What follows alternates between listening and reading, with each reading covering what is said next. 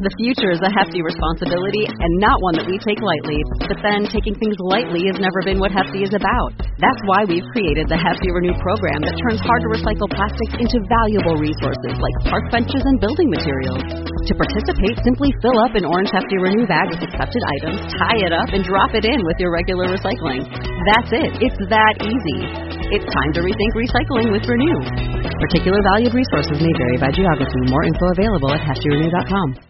Hey, Billy, why don't we tell them what we're about, man? So, we're here to welcome you to the Madhouse Chronicles. It's a talk show with myself, Billy Morrison, And me, Ozzy Osbourne. this man, Prince of Darkness, and we watch and react to the maddest internet clips. What do we discuss, Ozzy? Drugs, rock and roll, aliens, all that kind of shit. Drugs, rock and roll, aliens, and all that kinds of shit. Come and join Ozzy and myself. Visit osbornemediahouse.com to get special access to. to- Come on! What do you say? Do you think it's the wildest show on the internet? Oh,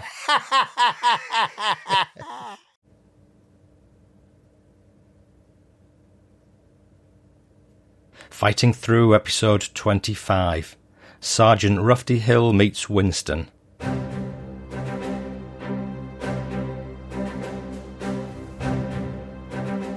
More great unpublished history. Here, how Sergeant Rufty Hill meets Winston Churchill.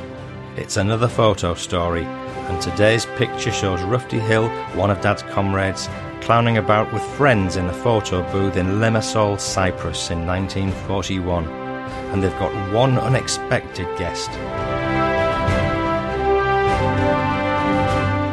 Tale goes back to the start of the war, how these lads met, and what special connection brought them together.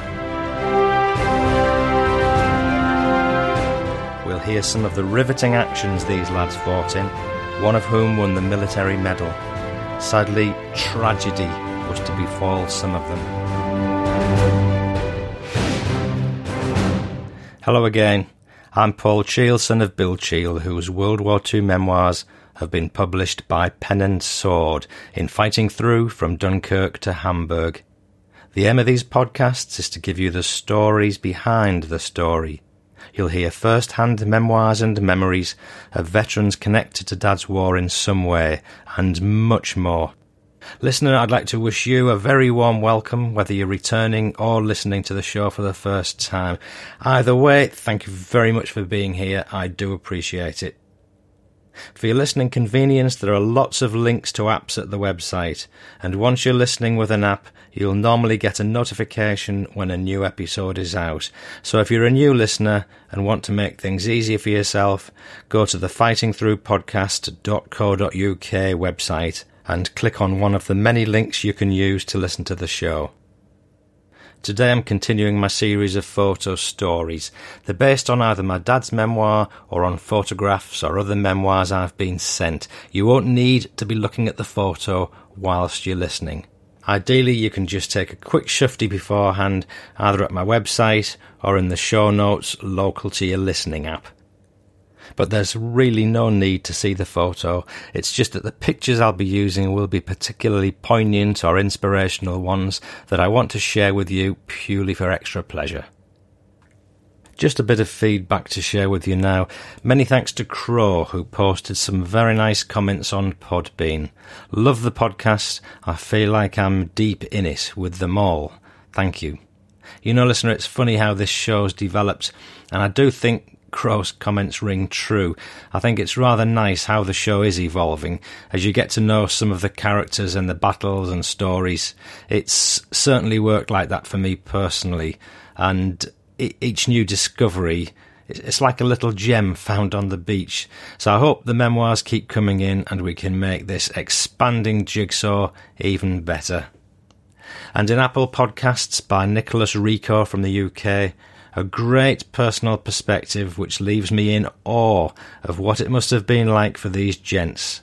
I hope to visit the Normandy beaches next summer or the year after that. I'm amazed at these men.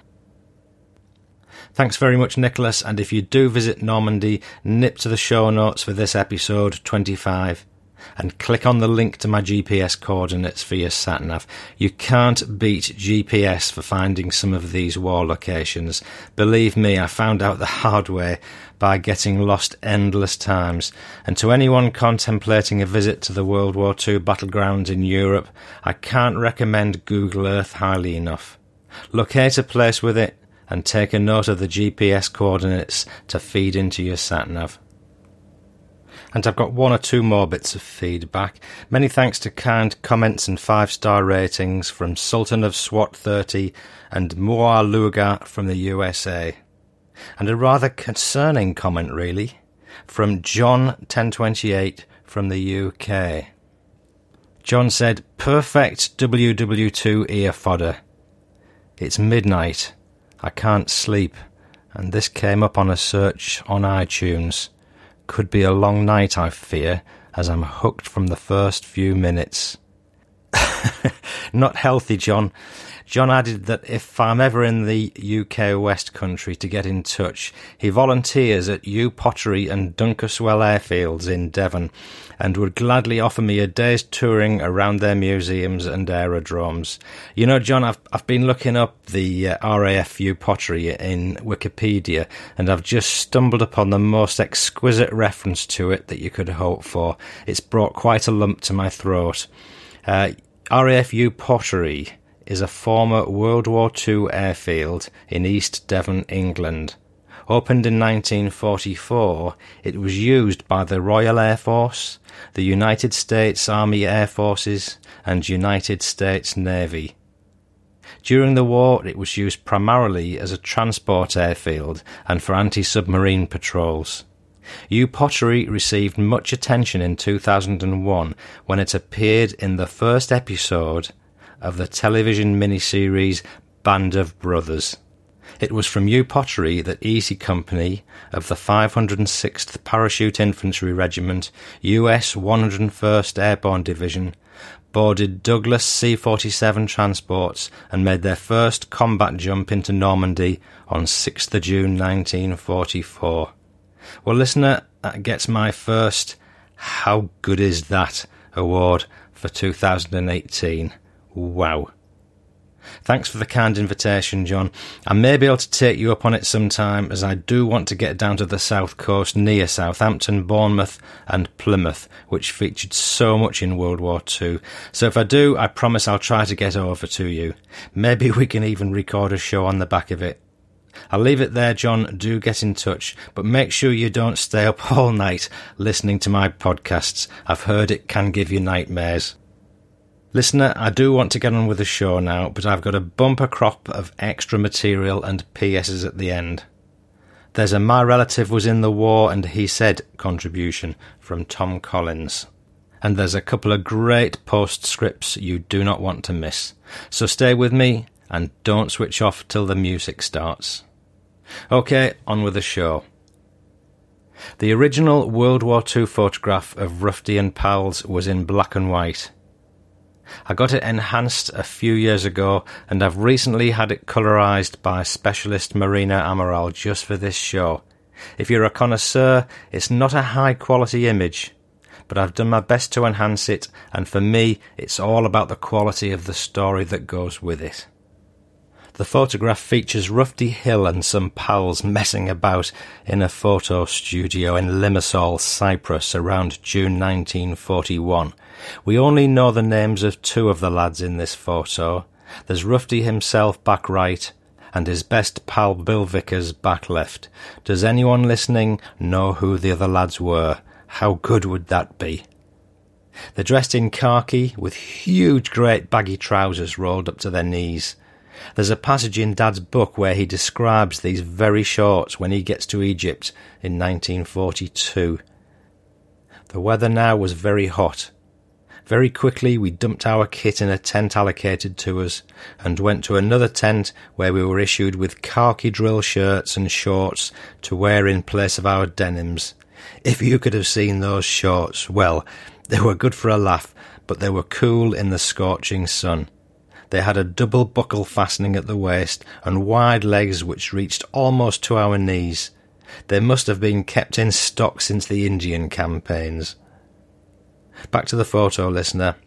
They're all sporting wide grins, and each of them is holding something daft a bunch of flowers or a flute, an accordion, and a toy dog. And there's a photograph of Winston Churchill on the floor in front of them. One of the great things about this photo is how the lads are happy to have Winston in the photo in front of them. I have to say, I can't think of any other world leader of today that would be entertained so willingly. The cynic in me wonders if the photo studio also had a photo of Adolf Hitler in the back room, just in case any German soldiers also walked in off the street some day. I know when Dad was stationed in Bruges in Belgium, 1945, just after he'd recovered from his Normandy injuries, he said in his memoirs, Photographers were on the streets doing brisk business among servicemen, making capital out of the fact that friendly forces had arrived in their midst. They were probably just as enthusiastic when the enemy were amongst them. After all, business is business. But I'll wager they fleeced the unsuspecting Germans. Listener, I don't think the enemy ever arrived at uh, Limassol, but if they did, then no doubt the tradesmen would have welcomed them. I just love this scene, and that's why I had it colorized. I know some people frown upon colorization as like some sort of sacrilege to the art of old photography, but for me, if it's a special photo for some reason, then making it look as if the action just happened yesterday makes it all the more fascinating far more than with uh, black and white photographs. And when I see a great picture in colour, I just marvel at it. I think you see detail you don't notice in black and white, like hair colour, badges, clothing, all sorts. There's a bit of a mystery over the photograph which I'd like to share with you now. When I was researching the colours, I have to thank the World War II Talk com forum for their help with some of the shades, but the only real and very strange sticking point was some sort of straps or webbing which adorned the soldier's shoulders, which took me ages to sort out. I initially thought it was um, unidentified equipment, then maybe just decoration slung over their bodies by the studio for fun. Um, I had to leave it a while so I could focus on other aspects of the photo. But then on the last lap of my investigation, I took a look through the other photos sent to me by Rufty's nephew, Mike Smith, and there are some beauties. Rufty was a real pin-up for the girls, I'd imagine, such a good-looking lad. But I was looking for clues to the names of the other soldiers. Then suddenly, wham, it hit me right between the eyes. Staring out at me from my computer screen was a photo of a bunch of lads in a military band wearing that same strange webbing. And of course, Rufty himself was in that picture, and it was identical to the other stuff. That put me on the right track, and I soon found out that the regalia is tasseled aiguillette, or aiguillettes, and usually made in worsted wool cord, so the long bits are aiguillette, and the bits at the ends are tassels. I had to make a judgment call on the colour, which just had to be green. Green Howard's Infantry Regiment, of course. Now I know the answer to all this, it's fairly obvious, but when the photo was in black and white, it was hard to see what things were. But the instrumentation of choice was clear in that earlier picture because the lads are standing in front of a big pile of drums, and Rufty and one other are both wearing leather aprons over their left thighs. I can just imagine Rufty and his pals belting out some marching rhythm, and the troop, in my dad's words, stepping it out to them. I remember in Dad's memoir he was once on a really long and tiring route march, and towards the end of it, the army band turned up and played them all back into camp, and Dad remarked upon how it lifted them all. I noticed Bill's holding a flute in the main photo, so I just wonder if he played a trumpet in the band. Anyway, all of this means that these lads had a bond with each other, not just from being comrades, but from being in the Green Howards regimental band. I would imagine they even had a connection through music before the war too. They must have taken their instruments with them to Limassol, because surely they wouldn't have taken their aiguillette unless they'd also taken the instruments. Anyway, All these photos are in the show notes at fightingthroughpodcast.co.uk, and there are some real crackers. I don't think I've ever come across such a such a fine set of photos of a bunch of war comrades. There's one of Rufty sitting in front of Bill, and my goodness, what a man mountain Rufty looks. Do take a quick look through the show notes, listener. These photos are great and you will not see them on any other website. So remember, you saw it and heard it on the Fighting Through podcast first. Okay, over to the stories behind the photo. Limassol is in Cyprus, and in 1941 it was a defensive outpost that Britain was holding in anticipation of an enemy advance which never happened. The 50th Division was there in the early stages of the war to build a defensive works, and anyone who's listened to Wilf Shaw in episode 4 will have heard about how Wilf lost his gold ring, a 21st birthday present, whilst digging at Limassol. According to a book, The Deceivers Allied Military Deception in the Second World War, in June 1941, Cyprus contained about 4,000 troops, which in fact were elements of the 50th Northumbrian Infantry Division, plus some local troops. They were designated as the fictitious 7th Division. These and other ruses, part of the Cyprus Defence Plan, convinced the enemy they were facing up to 30,000 troops. In mid July 41, the rest of the 50th Division arrived. To keep up the deception, the genuine 50th Division and the fake 7th Division made up the 18th Corps. In November 41, the 50th was relieved by the 5th Infantry Division India. Sir Rufty and pals with Wilf Shaw and his pals all moved on to Palestine and then Iraq for a few months. So although the war wasn't going on at this point, and the troops were on a war footing, there wasn't actually any fighting being done, so I guess there were times when the soldiers were given leave to visit the town, hence the photograph. Mike Smith, Rufty's nephew, wrote in to me to say, My name's Mike Smith, and I'm the son of Frida Smith, who was Rufty's sister. Frida died in 2010. I was born in 1954, so didn't know Alan, but there was a photograph of him on mother's windowsill. Alan lived at Lingdale near Redcar and had several brothers and a sister. Listener, these are all now passed away, but there are descendants such as Mike himself and a cousin Maureen. Dad mentions Rufty several times in his memoir, he was killed tragically during the D Day landings at Normandy on Gold Beach whilst getting off the landing craft. As he was jumping off, he landed in a shell hole, and at the same time a wave caused the boat to surge forward on top of him to crush and drown him. Dad said he would have given a good account of himself if he'd survived.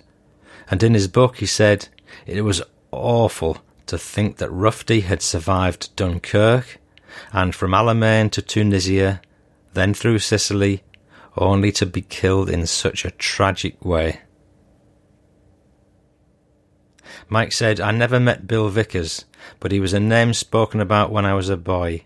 I understand that he went back to look for Rufty after the landings on D Day, but could not find him. Listener, remember these lads were in a band and fighting together. No wonder Bill Vickers went back to look for Rufty on the beaches. I can't begin to imagine the emotions he was experiencing when his pal went missing. I can picture the route off Gold Beach because I've been there. They would walked off the sand past a tram shelter that Sergeant Major Stan Hollis, VC, had shot up thinking it was a pillbox. Up the road alongside a landmark house with a circular drive, past some gun emplacements at Merville, all this just a few hundred yards up the road. I just wonder how far Bill got before he turned back. Would he have got permission from his officer, or from Sergeant Major Stan Hollis VC? Would he have just said sod it and absconded? I don't know, but what a tragic scene it must have been. I think in reality Bill would only have been a few yards off the beach before he checked back for Rufty, because they'd been told not to stop to help each other, and there would have been too much else to do. Certainly going back would have been fraught with danger because it's likely the beaches would still have been under shell fire from the gun batteries until Stan Hollis played his brave part in silencing them. I went to Rufty's grave last year at Bayeux War Cemetery in France and paid my respects. I made a short video of it, so if you'd like to see it, take a look in the show notes. There are a few other videos I've taken too of Gold Beach and other scenes, so take a quick shufty.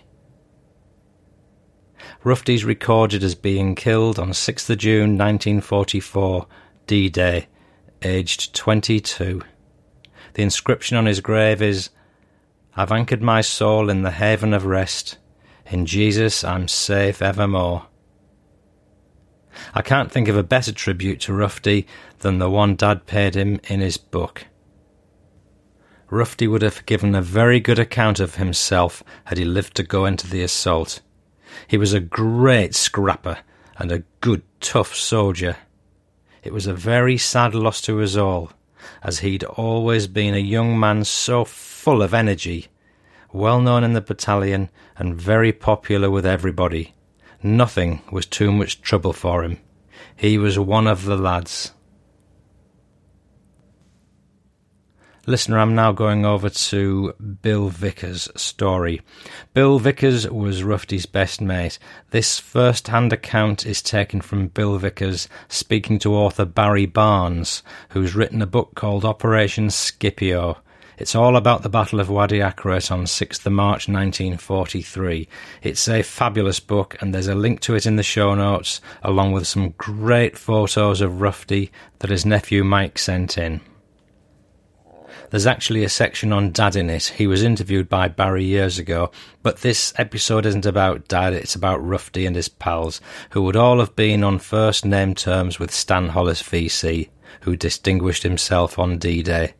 What an incestuous show this is becoming. Sorry, I, I, just had to pause to contemplate for a moment. I just wonder what these veterans would make of all these stories coming out which connect them after all these years if they were still alive today. It's almost becoming a British band of brothers. And I'm in total awe of Barry Barnes being able to interview all these veterans those many years ago, and it makes me feel kind of humble I've interviewed just two veterans for this show, and that's been a privilege, but he's interviewed scores and he's still producing books based on many years of research. He's got another one coming out in 2018 called The 50th at Bay The Years of Defeat, which is a history of the 50th Division 1939 to 42 when the British Army was firmly on its back foot and I think anyone reading that might just gain an insight into the source of the brave resolve shown by the 50th Division to jump off those landing craft and get up the beach on D Day to avenge their fallen pals. I've put a link in the show notes for anybody interested in Barry's book or any other books I've mentioned. So, Bill Vickers and Wadi Akarit, which is in Tunisia, North Africa, Dad was in this battle, and so were Wilf Shaw and Brian Moss. Episode 2 gives you more background and first hand accounts of this brutal battle. But essentially, the troops had to walk across a flat plain under heavy shelling, then take a small hill, point 85, before crossing an anti tank ditch to access the hills where most of the enemy were waiting. Here's Bill Vickers' story. 17 Platoon D Company, the 6th Green Howards, 6th March 1943. We got along the top of the Wadi, a dried up riverbed, and our platoon was well forward. Our section was led by Sergeant William Allen Hill, who was my best mate. Rufty was his nickname. We came onto a German Spandau machine gun post and took all the crew prisoner in their slip trench. They were all Afrika Korps men, and one of the lads took them back the way we'd come. The rest of us got into the slit trench. Below us in the wadi was a piece of high ground that could best be described as an island. On it was a 50mm anti-aircraft gun and an anti-tank gun. We opened fire on the crews with the captured German machine gun and my Bren gun, killing or wounding both crews. The anti-tank gun had a clear view of the entrance to the wadi, and I believe it was this gun that was responsible for the two knocked-out tanks standing motionless at the entrance. On one, an officer was hanging out of the turret with his entrails blown out. His sergeant was dead on his hands and knees, being killed by the blast. Someone on the island fired at us, and I was hit on the left front of my steel helmet by a tracer bullet, which dented my helmet. While we were in the slit trench, a couple of vehicles came up to the island with ammunition for the guns, and they were unaware we'd got so far out into the wadi. We took the drivers prisoner, and our men drove the vehicles out. Our section opened fire on the island to give covering fire to our mates as they went into more covered slit trenches taking more prisoners. From our position we could see the 51st Highland Division on the slopes of the high ground to our right. The enemy started to shell and mortar them and they took cover. Our fighter bombers roared over us and strafed and bombed the enemy on the open ground beyond the wadi. At the same time, 25 pounder shells from our own artillery were flying over us and landing on the open ground. Our D Company moved forward and out of the protection of the wadi. The enemy must have been waiting for us to come into view, as we were shelled, mortared, and machine gunned constantly. There were plenty of slit trenches to take cover in, but not before we'd taken numerous casualties. The men I saw hit were CSM Jim Oliver, MM, he was an old regular soldier who'd served in India with our 2nd Battalion before the war, the company runner who was a reinforcement from Devon, and a lad from the signal platoon.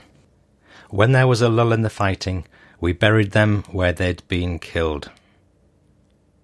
Listen, that's the end of the passage, just one element of the bigger battle, but such actions were being similarly played out right across the battlefront as brave men did what had been asked of them.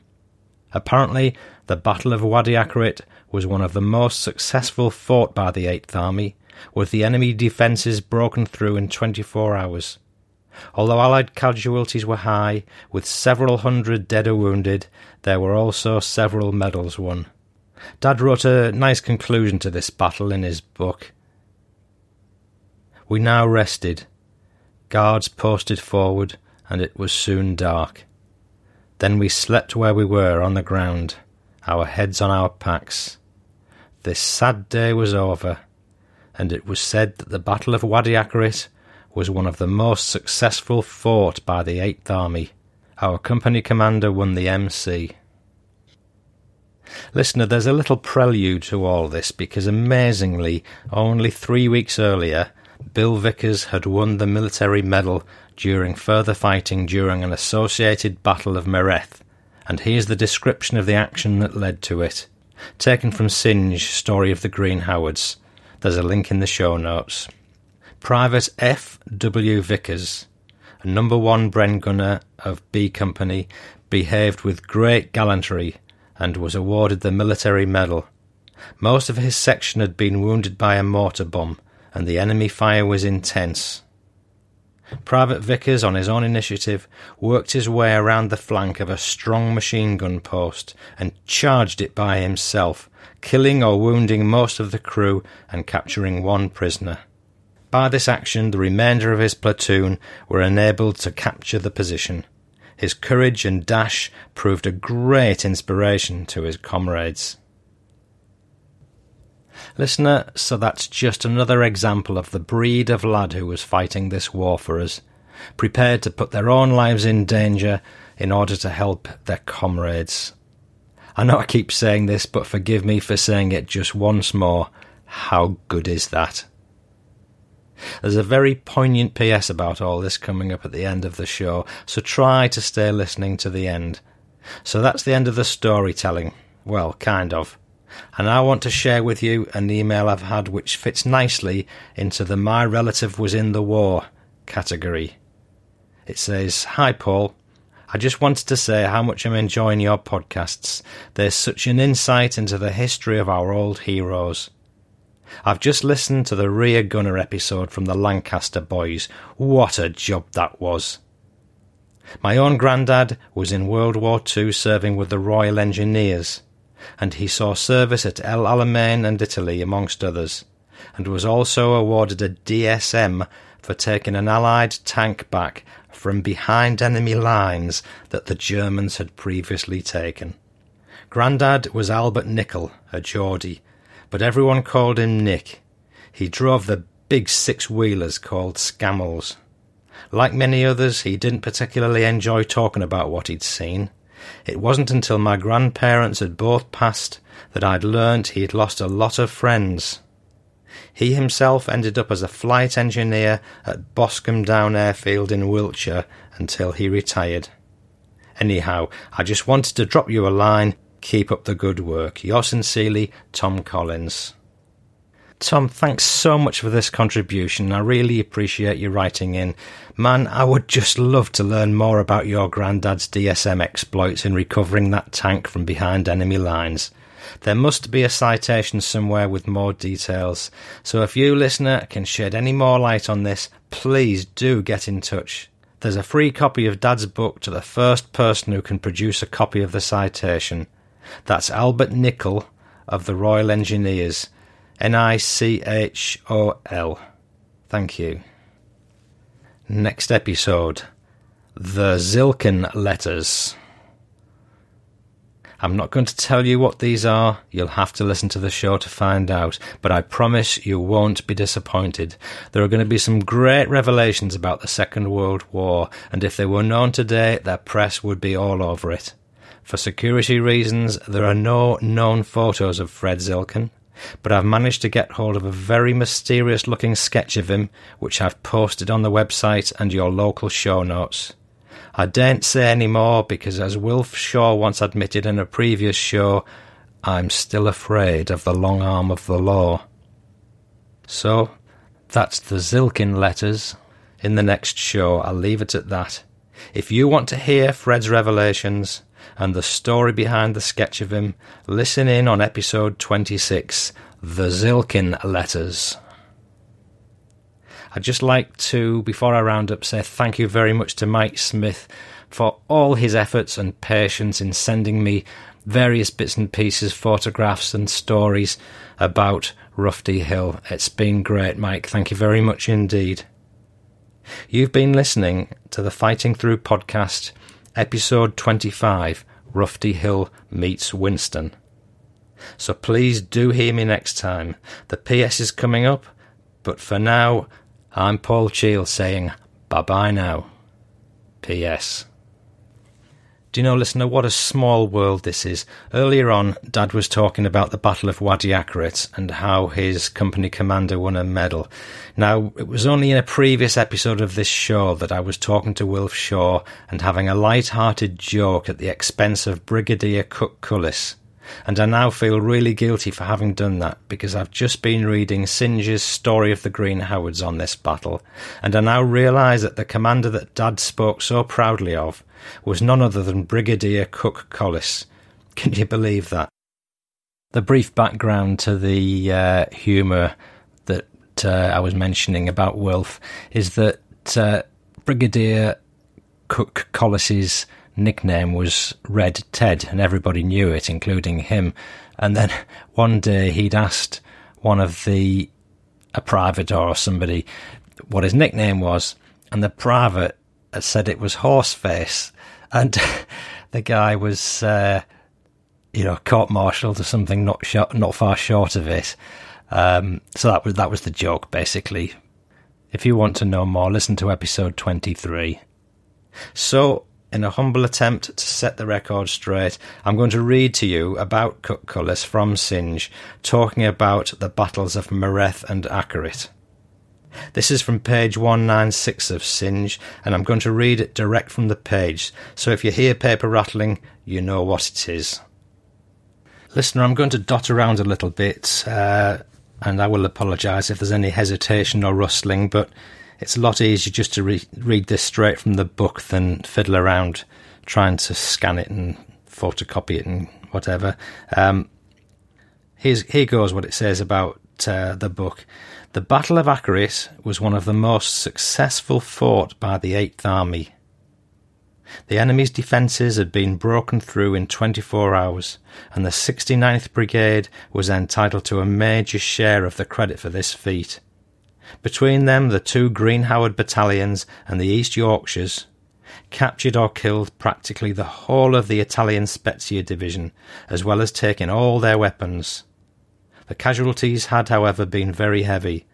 The 6th Battalion lost Captain Wheeler and Lieutenants Diamond and Pratt.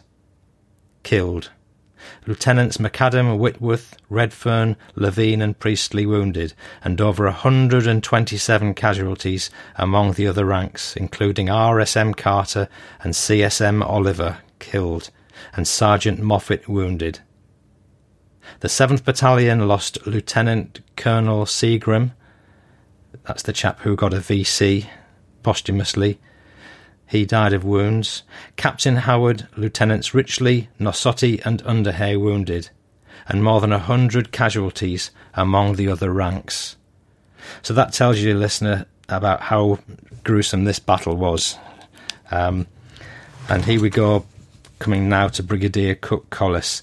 No account of these two battles would be complete without a reference to Brigadier Cook Collis, who was awarded a bar to his DSO not only did he plan a series of brilliant operations, but he took a personal part in many of the reconnaissances and was always to be found in the forward positions at times when the commanders on the spot were most in need of his advice and encouragement.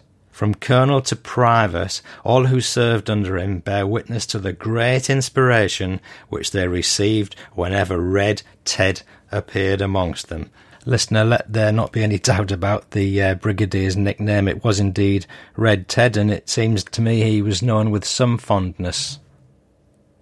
The book continues uh, talking about the battles of Mareth and Akarit, and uh, in these two battles, within three weeks of each other, the Green Howards added to their roll of honour one Victoria Cross, one bar to a Distinguished Service Order, one bar to a Military Cross, eight Military Crosses, four Distinguished Conduct Medals, one bar to a Military Medal, and fifteen Military Medals.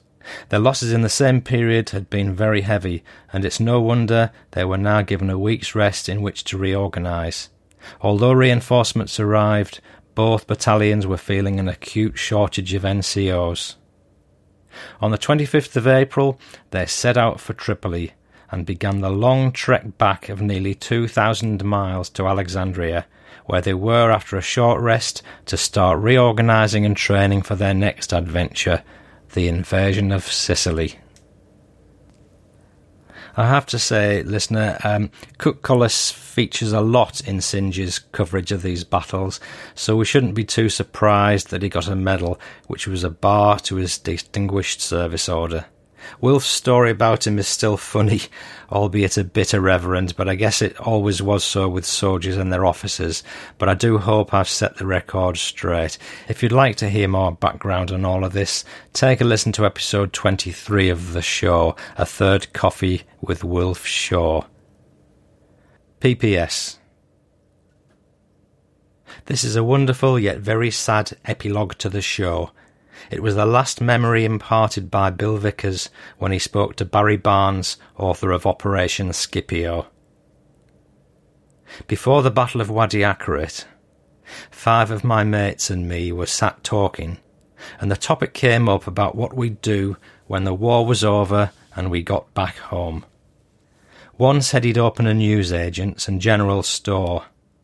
Another said he hoped to get a lorry and go into the haulage business.